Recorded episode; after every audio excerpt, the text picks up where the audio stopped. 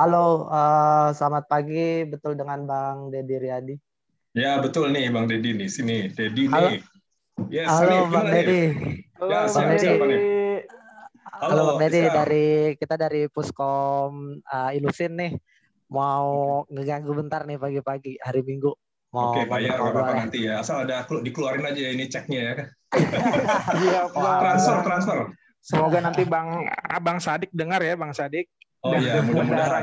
Nanti saya kasih nomor rek saya. Iya, Bang. Terima kasih Bang Dedi sebelumnya. Saya dan Hanif mewakili rekan-rekan Ilusin yang lain. Kami dari Pusat Komunikasi Ilusin mengadakan random call nih Bang. Jadi alhamdulillah dari angkatan 85 ini Bang Dedi ya Bang ya Dedi ya.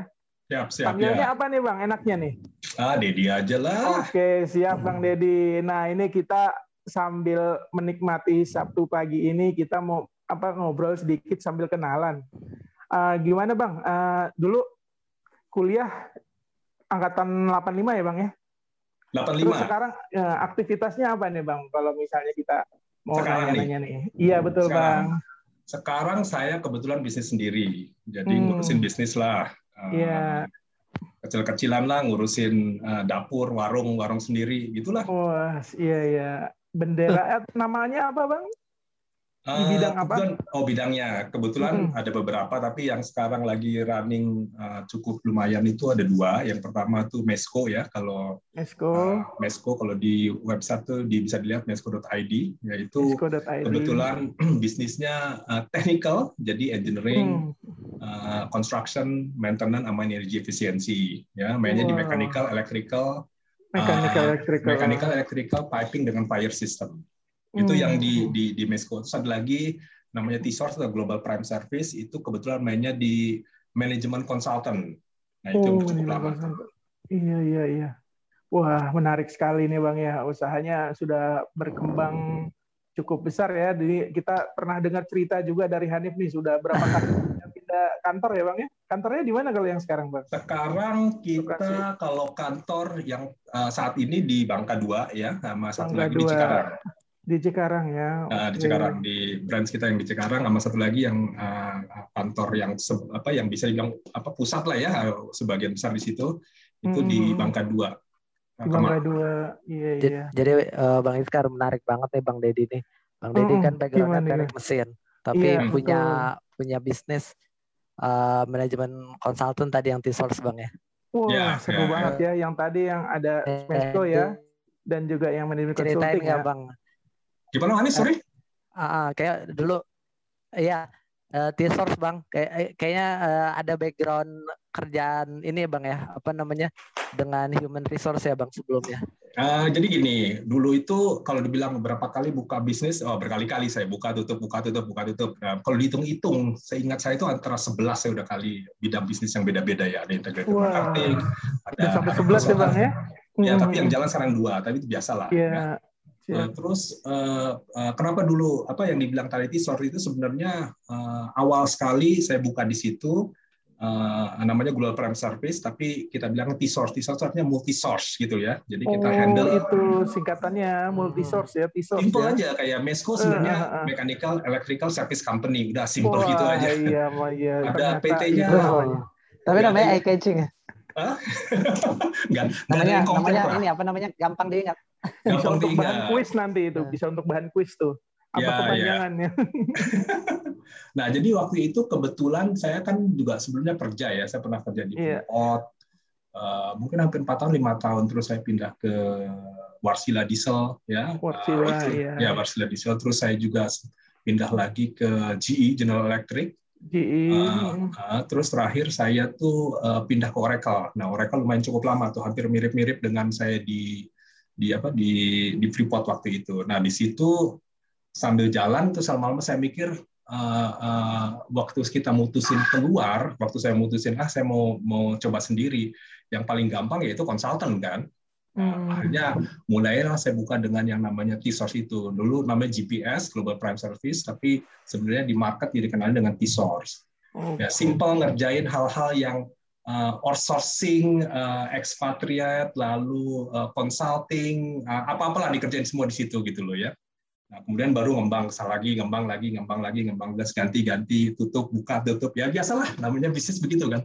Iya benar-benar wah. Jadi ini teman-teman sobat ilusin semua nih, Bang Dedi ini pengalamannya yang tadi ya, mulai dari peng, berbagai macam tadi ada 11, lalu sekarang dua yang sudah cukup pesat ya bang ya alhamdulillah Dua ya jalan lah ya dari iya, kalau, jalan. kalau dilihat dari total mungkin 11 11 bisnis yang beda termasuk yang dua tapi yang dua hmm. ini yang sustain lah ya Iya iya wah menarik nih bang. Kalau ini bang kita mau nanya juga mau bisa sekalian sharing ya. Apa pengalaman yang paling menarik nih bang pada saat kita kan setelah abang tadi berkecimpung di bidang profesional lalu juga memutuskan untuk berusaha. Nih yang paling menarik apa nih bang dari abang paling berkesan?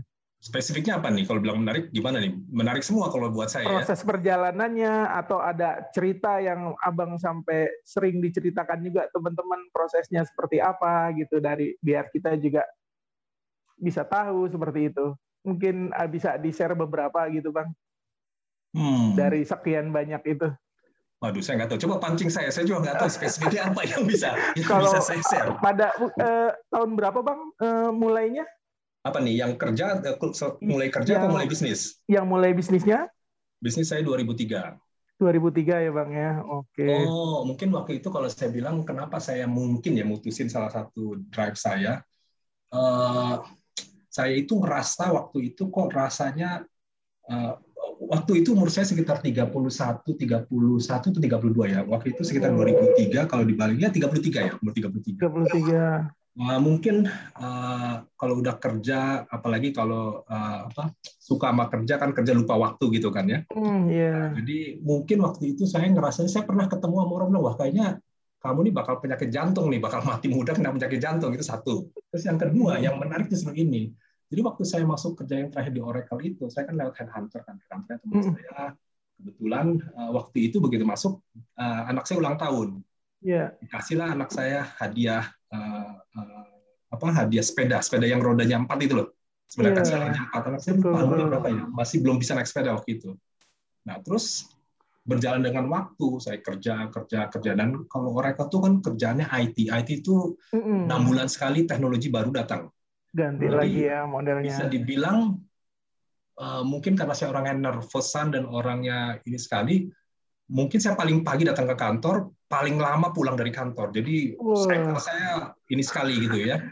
Sampai akhirnya sekali waktu uh, apa uh, lagi weekend kayak gitu, saya lagi duduk-duduk dengan keluarga, terus tetangga anak uh, apa tetangga uh, anak tetangga saya naik sepeda kecil gitu loh. Iya, yang tadi. Uh, dia keluar muter-muter tuh saya tanya loh, Reno kok belum bisa naik sepeda ya?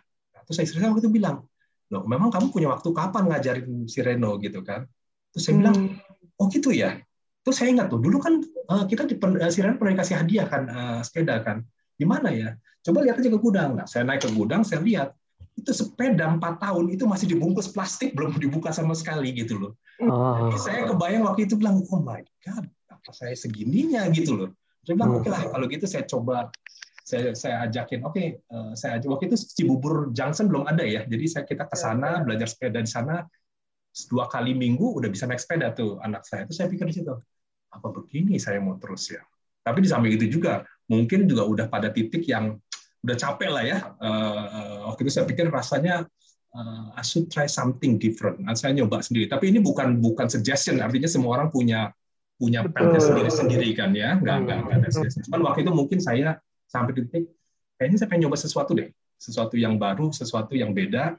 Uh, at least uh, apa uh, keluar dari dunia yang waktu itu cukup cukup uh, eh, IT cukup uh, waktu itu lagi zaman com tuh bubble terus yeah. turun sedikit nah lagi zaman zaman itu tuh mulainya hmm. iya 2000-an itu, itu awal ya Pak ya mungkin kalau kalau dibilang itu mulainya itu ya kalau itu ya hmm. mungkin hmm. salah satunya yang lainnya ya mungkin juga bosan di tempat kerja berantem di tempat kerja nggak happy ya macam lah itu biasa normal lah ya kombinasi yeah. dari semuanya gitu loh ya itu kali ya salah satu kalau ditanya apa yang dekat dengan dengan momen itu uh, waktu mutusin kurang lebih seperti itu salah satunya.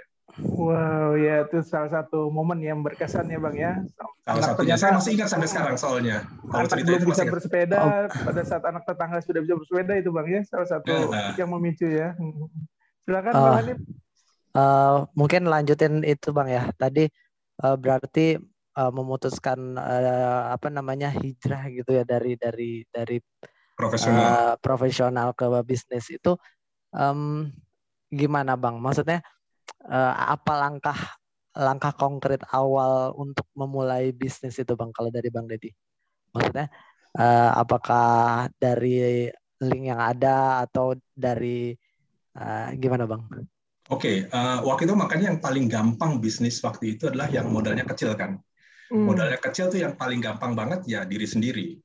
Betul nggak? Yeah. Konsultan waktu itu, makanya saya bilang, oh saya di konsultan. Konsultan apa? Ya kebetulan waktu itu saya lumayan waktu di uh, dengan karir meningkat, akhirnya kan saya masuk ke manajemen, masuk ke direct, uh, jadi direktur, jadi apa sehingga yeah. Iya. uh, apa mindset udah mulai kebentuk di sana. Nah hmm. dengan modal itu uh, uh, saya pikir uh, ya dimulai aja Nah, akhirnya saya mulailah di situ uh, waktu itu sebagai headhunter saya. Saya jual diri saya ketemu dan ketemunya siapa tadi pertanyaan Hanif dengan siapa? Ya dulu bekas klien-klien saya itu, yang dulu tadinya hmm. partner, tadinya itu. Nah, makanya uh, penting sekali kalau saya melihat ya, jangan sampai kita bakar relation kita dengan dengan teman, dengan klien, dengan itu jangan itu itu uh, someday sesuatu saat masih bisa bisa ada ada ada manfaatnya ya. Nah, jadi hmm. dulu saya punya punya punya apa namanya bukan partner punya counterpart di di waktu di waktu di Oracle, waktu di GE di apa. Yang waktu itu stand bisa berhadapan, artinya bisa pada posisi yang berbeda gitu loh. Kita hmm. ngeyel yang ngeyel, tapi jangan sampai ke ke masukin hati gitu loh. Ya ini hmm. because of job, tapi setelah itu yeah. ya kita friend. Yeah. Nah, sehingga saya bisa datang ke mereka ngomong, eh sekarang saya eh, ini ini by the way, if you need something yang related dengan saya yang bisa lakukan, uh, ini yang saya bisa lakukan. Dan saya klien-klien pertama, teman-teman klien-kliennya uh, partner apa partner atau counterpart saya di bisnis sebelum-sebelumnya, sampai hmm. perusahaan sebelumnya pun saya bisa datang. Nah itu jadi kalau misalnya keluar kerja kan ada yang uh, relation nggak baik ya atau kita punya reputasi nggak yeah, baik. Betul. Nah itu parah. Nah kalau saya masih bisa balik tuh, saya balik ke Oracle, saya bilang, hey saya gini-gini, do you want to use our service? Kasih order. Saya masuk ke GE mau nggak sama ini kita dikasih order. So kita bisa comeback ke klien klien ke, ke bekas kantor kantor kita lama nawarin service kita gitu. Nah itu hmm. mungkin gradually uh, sedikit sedikit sedikit sedikit mulai dari sana gitu loh ya. Nah uh, pilihan banyak. Mau mau mau pakai modal mau pakai apa. Tapi kalau saya waktu itu kebetulan ya udah saya mulai dari situ kemudian growing sedikit sedikit geser kiri geser kanan cari yang yang bisa bisa dilakukan lebih lah ya. Iya, menarik ya. Berarti poinnya uh, jaga relationship ya bang ya. Iya, ya, jangan reputasi lah, jangan, jangan rusak reputasi diri sendiri. Ya, itu kritikal ya. itu satu yang sekali kena susah ininya. Jadi mendingan kalau misalnya janji tepatin, kalau hutang dibayar, kalau udah komit dilakuin gitu loh. Terus hmm. nggak nggak lari dari dari tanggung jawab karena itu justru yang yang membuat kita uh, uh, orang ingat sama kita bahwa oh ini bisa dipegang gitu loh. Ini trustworthy ini bisa di bisa diandelin intinya. Nah itu uh, mungkin itu dari saya itu yang saya rasain. Uh, ya alhamdulillah dengan cara itu uh, lipat gitu loh ya. Akhirnya dari satu nanti iya, mereka bisa lagi ya, ya mereka ngasih referral ngasih ke kiri ke kanan. referral. ya nambah nambah nambah klien nambah klien nambah teman. Dan sebisa mungkin klien jadiin teman. Hmm. sebisa mungkin saya banyak klien yang akhirnya jadi teman, jadi pertemanan, akhirnya dari mulai bisnis biasa, relation, tapi akhirnya kita jadi getting friend, main, saya dia kenal keluarga saya, saya keluarga dia, uh, kita bisa. lagi ya bang ya. Ya, nggak semuanya bisa ya, nggak semuanya. Tapi kalau misalnya kebetulan ada peluang bisa dekat, ya akhirnya uh, bukan bukan cuma extensionnya formal, tapi bisa bisa jadi pertemanan. Itu mungkin oh. ya kalau saya rasa sih ya. Iya ya, wah sangat menarik ya sobat-sobat ilusin nih ya dari pengalaman Bang Dedi ini kita juga bisa belajar bahwa walaupun kita sudah meninggalkan apa namanya di tempat yang lain, cuma hubungan tetap dijaga ya Bang ya, hubungan baik, yeah. ke pertemanan dan itu juga menjadi salah satu jalan kita ya ke jalan ke depan seperti itu. Wah seru sekali nih Bang. Terus kalau boleh nanya nih Bang, sedikit ke belakang nih Yep. Kalau Gimana? untuk yang kita di mesin nih, angkatan 85, terus angkatan 80-an dari Abang, pengalaman pada saat kuliah yang berkesan apa nih Bang? Gimana? Dulu apa ada ya? ngikutin perpindahan dari Salemba ke teknik Oh iya. Sempet Waktu ya, Bang, ya? Salemba pindah ke Depok, ya hmm. pastilah ya, itu jam Depok itu waktu itu masih waduh berlumpur parah lah pokoknya Wah, parah ngalamin Nah, awal-awal ya. hujan-hujan bas itu terus kemudian eh, udah mulai jadi mulai bagus masih kering keronta masuk ke dalam aja susah kadang-kadang jalan Hmm. waktu itu terus ada bis kuning kalau nggak kita nebeng di depan kita hitchhike biasanya di di pintu gerbang UI itu kita nunggu sampai punya mobil ya. gitu loh Ya, kita masuk ke sana Eh, di Salemba menarik ya Eh, sempat dua tahun di sana sebelum pindah ke pindah ke sana mungkin yang enak waktu itu apa ya pertemanan ya kita tuh rasanya dekat banget gitu sama teman-teman jadi eh, eh, demo malam-malam Hmm. kita bilang pasukan ninja jadi kita jadi kalau ada, ada ninjanya ya. ada keputusan yang keputusan yang nggak tahu juga kita masih muda juga ya di kompor-komporin Iya. nama itu golongannya Bang Rizky yang senior-senior lah itu Bang Nanda yang 82, 81, 82, Iya. 83 itu 84 yang kompor-kompor kita. Ya malam-malam kita bikin poster, kita tempel-tempelin poster di di mana-mana untuk protes lah ya gitu ya.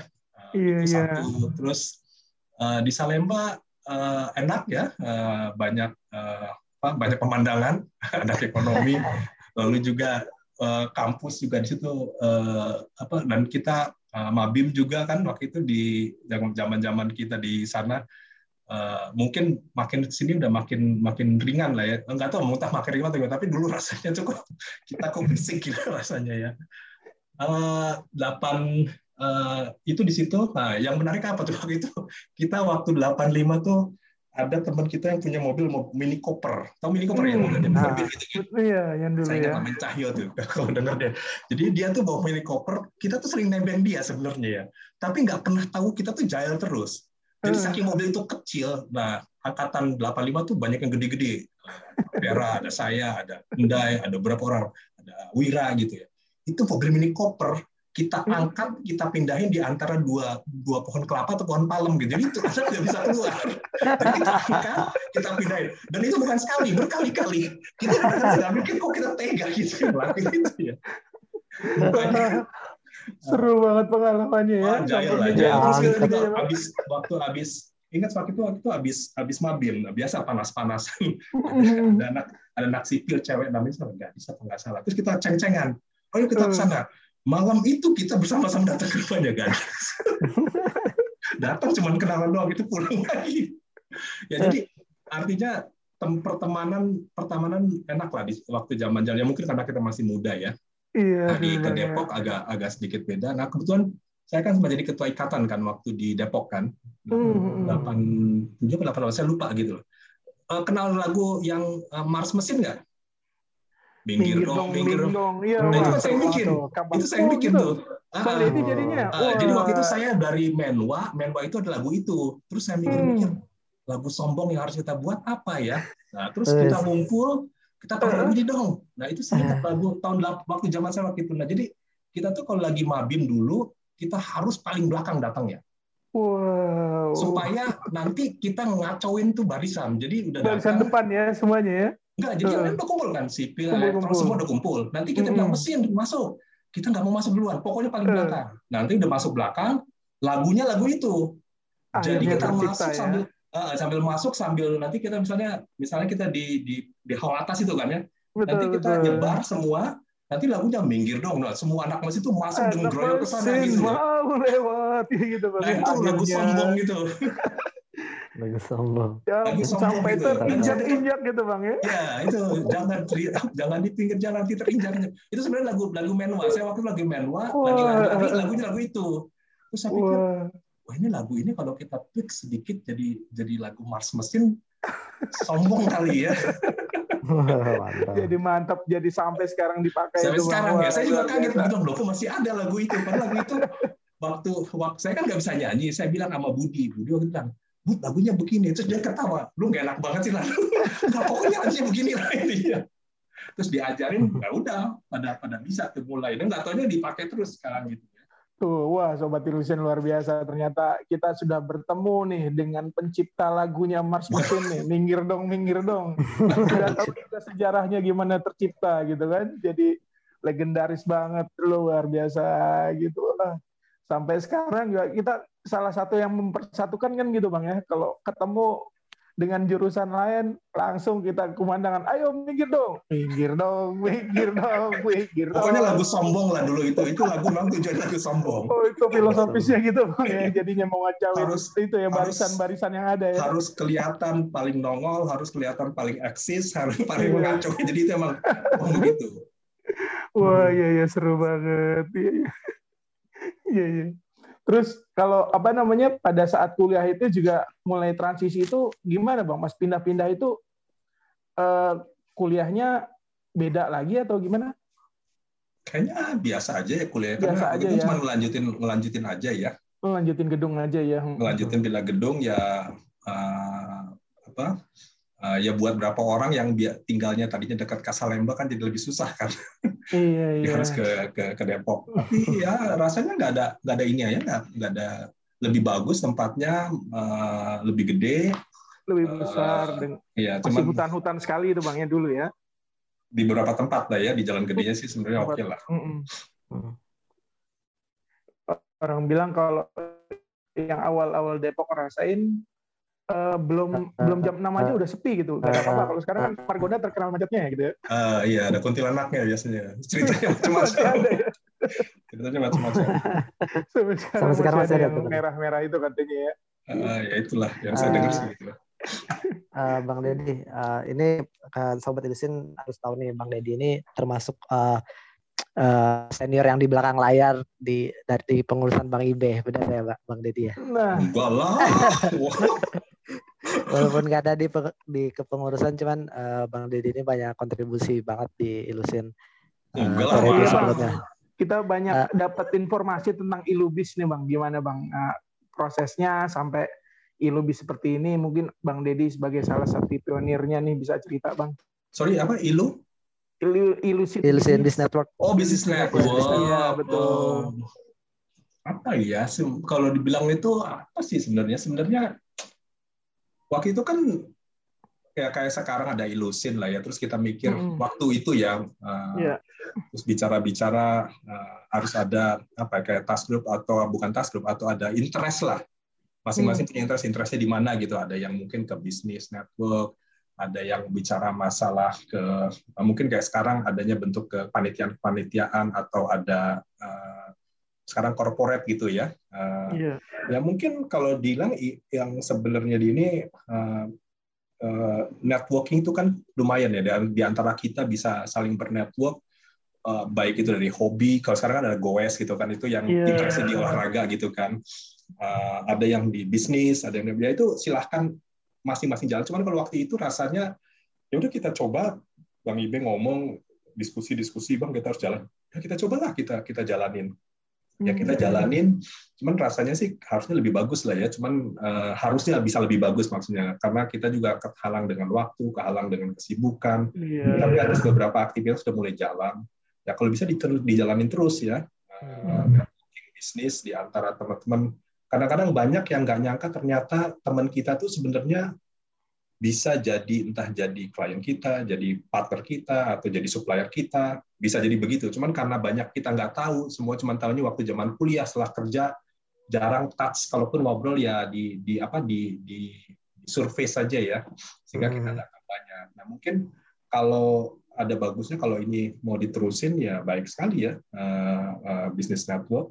Uh, silahkan misalnya Hanif sekarang Hanif banyak main di kreatif, hmm. Bikin macam-macam momentum dan lain itu juga salah satunya bisa dimanfaatin sama teman-teman yang lain. Lalu ada yang bisnis di apa misalnya ada yang saya dengar ada bisnis kayak Bang Adel, bisnis di konstruksi juga. Lalu ada malah saya sempat jadi dapat kerjaan dari Bang Adel juga gitu kan. Hmm. Jadi itu kan sebenarnya networking kan ya. Network betul. Networking. Jadi nanti juga bisa jadi saya malah beberapa kali dapat kerjaan dari teman-teman saya sendiri, ada temanku, ada yang ada yang eh, senior, ada yang teman apa satu, ada yang adik kelas, ada yang juga eh, satu angkatan.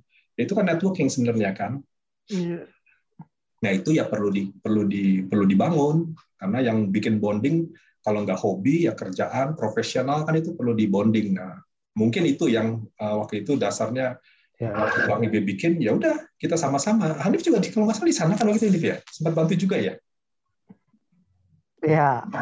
Iya dua dua kali bang di apa ya nama ada nama kafenya ya? waktu itu ya. Iya iya di ya, itu. Ya, Ya, ya, ya. Coworking Iya, space. Ya kejebur lah itu Bang Ribet selalu gitu loh jebur-jebur. Kejebur yang bermanfaat ya Bang Hanif ya. Iya. Alhamdulillah nambah pengalaman, nambah relasi dan lain-lain ya.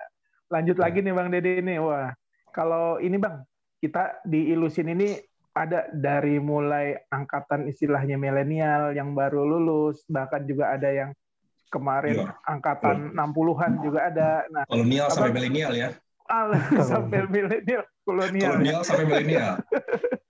Nah, eh, boleh bang, eh, abang kalau ingin berpesan atau menyampaikan sesuatu, apa yang mau disampaikan bang? Untuk untuk yang mana nih?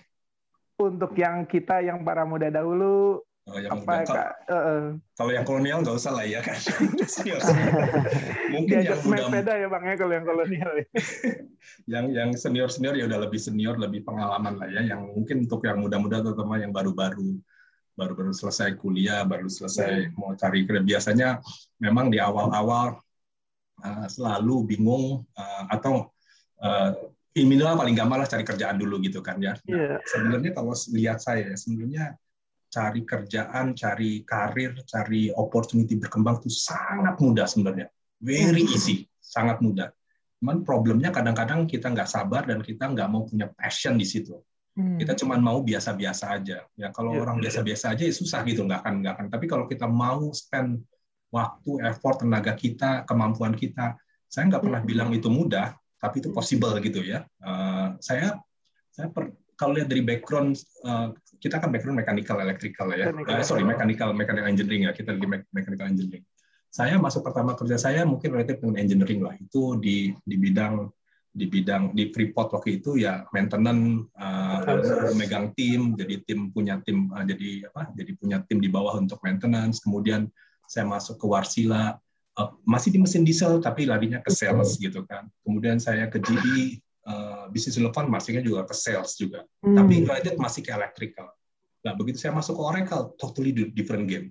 IT. dari IT yang saya ngomong software aja apa saya nggak ngerti gitu loh kan. Tapi yang yang yang saya lihat uh, itu bisa dipelajarin semua. Sampai sekarang saya nggak bisa coding bukan berarti saya bisa coding. Tapi artinya Hmm. saya masuknya bukan di bagian bukan uh, harus IT uh, development-nya gitu kan ya. Nah terus masuk ke ke bidang-bidang yang saya bilang setelah saya jalan di bidang entrepreneur bisnis sendiri masuk di manajemen consulting masuk di HR human resources masuk di training masuk di development macam-macam saya coba Hmm. kalau saya lihat sebenarnya ya, eh, apalagi kalau sekarang, saya kadang-kadang kalau saya boleh di, di, di- dikasih wish lagi, saya pengen muda lagi sebenarnya. Pengen muda lagi, balik lagi saya pakai energi lagi kayak umur-umur Hanif ini, ya saya yakin saya bisa expel jauh daripada dari sekarang kali ya. Hmm. Jadi yang saya lihat tuh kadang-kadang saya gregetan lihat yang muda-muda. Padahal tuh is so sangat mudah menjadi orang, sangat mudah. Cuman kadang-kadang nggak mau put effort gitu, nggak mau spend waktu banyak, nggak mau uh, do extra mile. Ya akhirnya jadi biasa-biasa aja. Hmm. Dan sebenarnya tuh di semua korporasi tuh sedang men- mencari leader, mencari bibit-bibit yang cuman kita tuh cari uh, yang muda, yang mau, yang kebanyakan tuh belum apa-apa ada target harus gaji segini, harus levelnya segini, akhirnya susah gitu loh. Padahal Hmm. kalau itu dengan otomatis dia akan jalan dengan sendiri. Jadi passion, komitmen, jalanin kerja, ben- apa, apalagi masih di masih di profesional ya, sangat mudah. Lalu eh, saya bicara sebagai orang yang pernah jadi headhunter ya, saya pindahin orang satu pindah ke tempat lain. Hmm. It doesn't really matter pindah orang cepat kayak misalnya karir saya pindah kayak saya bilang nargetin umur segini saya harus sekian umur segini pindah hingga sweet orang pindah yang naik-naik gitu. Hmm. Ada orang yang jalurnya tuh nggak pindah-pindah saste tapi ujungnya sama di ujungnya loh di akhirnya tuh begitu saya lihat Oh iya. sama-sama aja. Yang ini cepat Hmm. mungkin kelihatannya gaya waktu muda wah posisinya apa udah manajer, oh udah jadi GM, udah jadi direktur gitu kan. Hmm. Sementara ada orang yang jalannya memang nggak nggak nggak begitu, memang dari dasar satu bidang. gitu. ha. Ah, tapi dia mendalamin, tapi pada ujungnya ketemunya sama juga gitu. Begitu pada titik tertentu bilang, eh sama aja ya. Lu juga di sana, gue juga di sini, sama-sama punya exposure yang sama. Jadi intinya eh, kalau kalau memang masuk ke profesional serius jadi profesional deh. Kalau mau jadi bisnis, jadi bisnis. Tapi bisnis itu punya risiko ya. Eh, eh, dua di tahun pertama 20 persen, 80 persen fail. Itu udah rumusnya begitu. Nanti di lima tahun kedua yang 20 persen 80% hilang lagi gitu loh. Jadi makin lama makin lama tuh akan aman begitu bisnis di bisnis begitu rule of thumb-nya. Tapi kalau yang profesional apalagi yang masih muda-muda uh, uh, jadi jadi serius dan put effort di sana. Jangan jangan cuma kerja asal kerja lah. Put iya. effort serius yang tadinya nggak tahu jadi tahu uh, go go beyond uh, uh, go apa apa ya keluar dari move from comfort zone pelajari hmm. sesuatu yang baru pelajari sesuatu yang kita nggak paham, tapi belumnya nggak ada ya. Hmm, berani ya, mencoba hal baru ya bang ya. Berani kalau misalnya ada challenge kadang-kadang bilang, eh kamu pegang ini ya, aduh paling gajinya juga nggak naik, gue makin capek, gue makin kerja makin lama, gue makin susah, gue juga nggak paham, belum tentu nanti diomongin sama orang gue ini dijelekin lagi. Nah itu kan hmm. sebenarnya apa uh, bukan comfort zone kita, comfort zone kita kan yang ngerjain yang sekarang yang kita paham yeah. dan iya. tahu. Nah, tapi kita nggak akan kembang kalau di situ aja. Justru hmm. kita berani keluar. Ya sama di bisnis juga kalau saya ngelihat uh, replik ke saya sendiri ya. Saya ambil satu bisnis yang bersiko, tapi begitu dapat di sana pengalaman saya dapat. Nanti ambil lagi sesuatu yang nggak pernah tahu, kita ambil, udah itu pengalaman kita dapat gitu loh. Jadi selalu hmm. kita harus berani ambil risiko di bidang yang kita ini dan go go beyond go beyond uh, apa our comfort zone kita. Oh iya, iya betul. serius lah ya, put effort, put put, put the best effort ya maksimal ya, kita ya. supaya ya. dapat hasil optimal ya bang ya. Ya kalau itu itu yang untuk yang muda-muda lah ya. Yang muda-muda iya betul yang muda-muda. Berlaku jadi juga, juga kalau bisnis gitu jangan tahu-tahu kan ya, apalagi ya. di era uh, informasi gini bang ya. Maksudnya gampang untuk apa namanya kita akses uh, apa namanya ilmu-ilmu baru, pengetahuan iya, baru. Ada disruptif lagi yang baru-baru lagi. Eh, sekarang kemarin saya baru baru aja saya dapat diundang sama teman saya satu session. Saya sampai bingung bilang, gila ya. Padahal saya ninggalin karena saya sibuk beresin uh, bisnis. Paling hmm. mungkin dua tahun atau tiga tahun saya nggak terlalu mungkin dua tahun ya saya terlalu banyak ke dalam untuk memberesin beberapa hal gitu kan. Ya mungkin anda tahu lah challenge kita di dalam gitu ya. Lalu begitu begitu ada session lagi saya datang dua tahun. Ah, mungkin karena karena uh, apa COVID ini kali ya praktis dua tahun gitu kan ya. Yeah. Itu saya datang lagi kemarin ke sesi lagi bilang totally different ya, beda ya. It's change so much gitu. Itu udah berubah iya. banget gitu loh. Sampai saya bilang gila saya kok ketinggalan banget rasanya gitu loh. Apa karena saya nyemplung kelamaan ke dalam atau saya nggak? Nah makanya lihat yang di luar sana. Uh, uh, kita kita harus expert dan kita harus jadi the best yang kita di di di, di ini kita lah di di area kita lah tapi memang harus put effort lah ya karena susah bukan susah ya.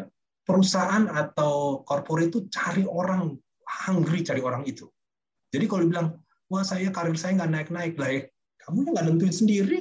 Karir itu bisa ditentuin sendiri kok pengalaman kayak selalu saya lihat it's so easy to getting promotion to get easy to get a better job gitu loh. Kalau kita hmm. mau ya yeah. itu kalau saya ngelihatnya ya. Karena saya lihat kok yang muda-muda ini lembek banget ya dikasih ini udah udah loyo, dikasih ini udah mental udah jatuh, di sini udah takut, nggak berani. Padahal nggak mungkin dilepas lah. Ya itu at least yang saya yang saya yang saya bisa share untuk yang muda-muda. Kalau yang tua-tua ya udah lebih senior dari saya ya udah. Ya luar biasa pesannya bang ya. Nah ini juga untuk reminder untuk kita nih bagi yang merasa hmm. masih muda kita harus menambahkan effort terbaik ya bang ya untuk setiap usaha kita di karir kita di pekerjaan kita harus bisa berani go beyond dan lain-lain dan juga kita bisa uh, mampu untuk uh, di luar comfort zone ya bang ya supaya kita mendapat lebih baik zone. lagi keluar comfort keluar zone. dari comfort zone karena development growth adanya di sana bukan di teman comfort zone kita betul, betul. ambil risiko uh, dan juga put effort dari comfort zone kayak tadi dikasih kerjaan yang lebih susah dikasih hmm. kerjaan yang belum tentu berhasil kita berani ambil kita ambil take risiko dan kita put effort di sana artinya apa kita mungkin kerja lebih lama, kerja lebih susah, yeah. lebih berisiko. Bisa jadi kita gagal, nanti risiko di dicengin sama orang-orang. Tapi hmm. tapi ya kita waktu kerja ya put our effort di situlah. Kita yeah. pelajarin, kita spend waktu. Karena nggak ada yang namanya growth ada di comfort zone itu nggak ada. Growth itu hmm. ada di luar di comfort zone. Nah yang yeah. muda-muda uh, uh, apa resiko saya saya cerita anak saya lah ya anak saya kebetulan sekarang kerja di luar gitu kan ya nah waktu itu waktu itu dia uh, baru selesai sekolah, uh, dia tanya ke saya, uh, uh, saya mau kerja. Saya bilang, oke, okay, kamu cari kerja.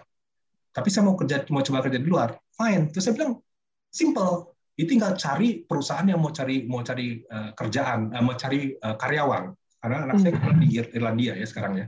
Hmm. Terus saya bilang kamu bikin list deh perusahaan mana kamu apply, terus dia sharing sama saya perusahaan ini, perusahaan ini, perusahaan ini. Tahu nggak uh, Iskar berapa perusahaan yang dihit sama dia? Total. Berapa? 10 bang? No. 20. Sebutin lagi. No, sebutin lagi. 100. Sebutin lagi. 200. 218. 218 perusahaan oh. apply. Apply. Wow. Ya, saya cuma bilang, ini cuma resume. Kalau kamu memang mau benar-benar, benar serius. Jadi dia apply sampai 218 dan dia kasih hmm. listnya ke saya. Mm. Saya bilang, ya wajar kalau dia dapat.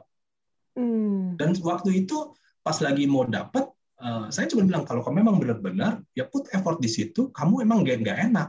Lalu saya tanya ke teman-temannya, teman-teman kamu apply berapa? Ada yang dapat kerja nggak? Belum. Berapa mereka apply? Ya, paling dua, tiga. Ya nggak akan dapat lah.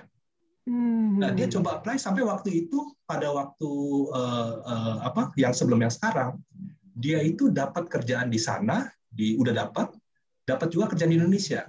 Hmm. Waktu itu dia tanya sama saya, aku harus gimana? Saya cuma bilang, this is your life, this is your call, you decide, take the consequences apa pun yang kalian yang kamu dapat. Jadi terus dibilang, Uh, terus yang di Jakarta ada dua yang narik-narik coba balik segera balik segera. Tapi dibilang tapi aku suka yang di sini. Saya mau dapat exposure luar. Oke okay, go ahead. Nah akhirnya dapatlah di perusahaan sekarang tapi mulainya bulan September kebetulan. Hmm. terus saya bilang kan ya udah kan kamu pulang aja ke Jakarta kamu kerja dulu di sini nanti September kamu balik lagi. Tapi dia tapi dia akhirnya dia mutusin. Nggak ada yang diambil di Jakarta.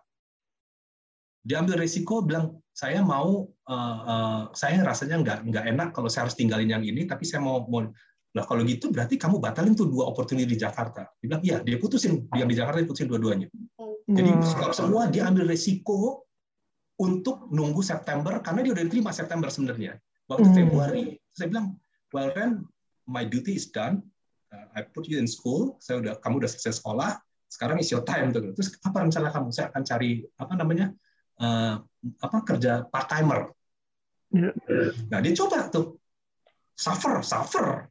Karena hmm. saya sebagai orang tua bilang tugas saya udah selesai, kamu sekarang harus uh, coba capai dan hmm. suffer. Walaupun kita lihat dari belakang kita liatin gitu ya. Nah tapi alhamdulillah ternyata yang tadinya dari September itu perusahaannya kontak. Mau nggak kamu lebih cepat di depan Oh, bulan depan. Ternyata, iya, iya. Alhamdulillah akhirnya jadi rencananya mau cari part timer akhirnya nggak dapat apa keburu di offer diajukan lagi ya. Gitu. Jadi enam bulan lebih cepat langsung kemudian masuk ke itu.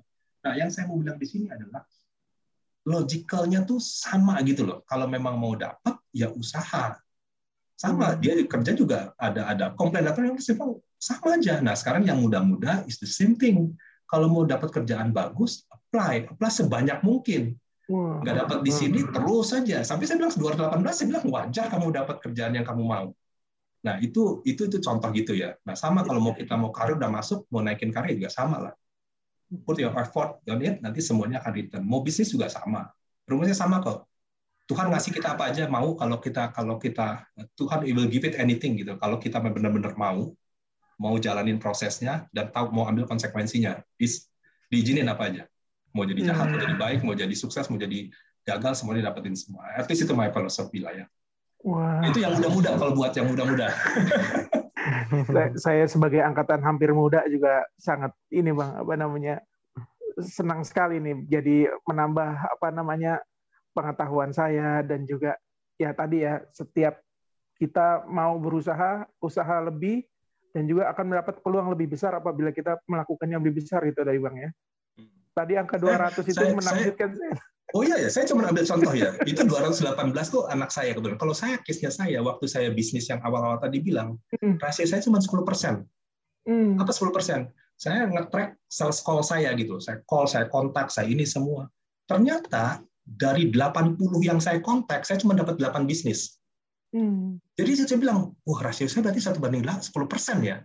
Tapi saya 10 persen lumayan buat saya. Tapi bayangin, kalau saya cuma kontaknya 50, berarti saya cuma dapat 5. Iya, Untung iya. saya itu kontaknya 80 gitu loh. 80 iya. saya begitu track. Peluangnya ya, makin besar lagi ya.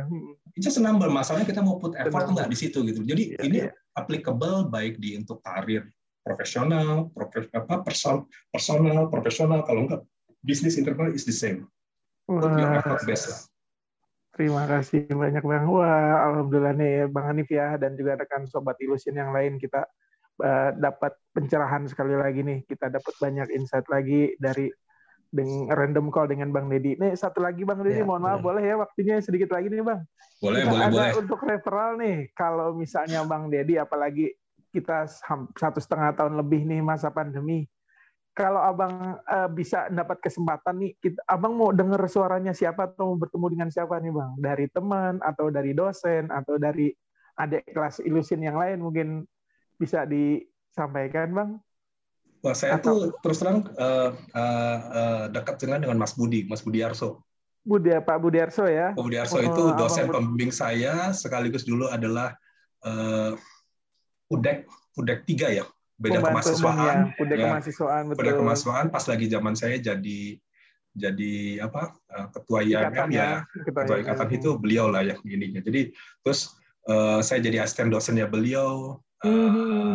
uh, ya banyak di di sama beliau gitu loh ya. Uh, uh, kalau dia ketemu saya dia cuma bilang, lu mah bandel. ya banyak udah, pengalaman udah seru udah janjian sama sama Mas Budi udah cukup lama tapi belum ketemu temu tuh. Udah udah pengen ketemu sama beliau ngobrol-ngobrol.